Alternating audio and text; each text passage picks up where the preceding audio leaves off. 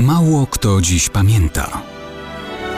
Datownik historyczny prezentuje Maciej Korkuć.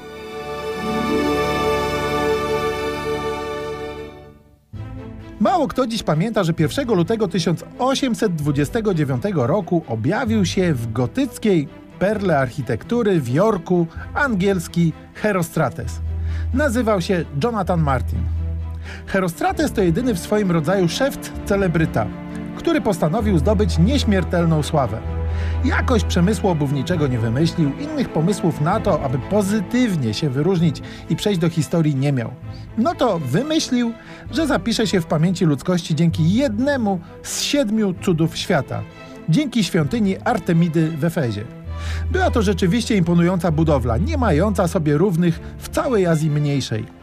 Zbudował ją pół tysiąca lat przed naszą erą król Lidii o skądinąd wiele mówiącym imieniu Krezus. No i przyszedł rok 356 przed Chrystusem.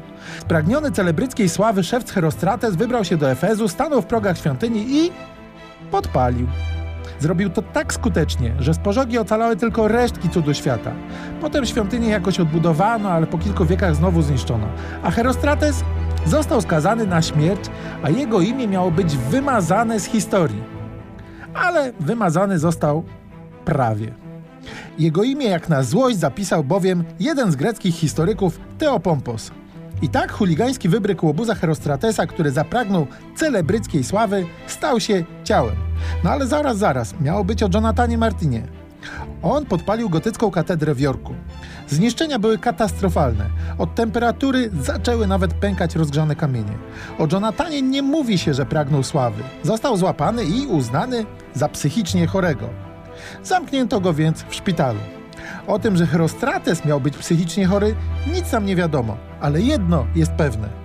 Nawet jeśli celebrytą został, to równo pod sufitem raczej nie miał.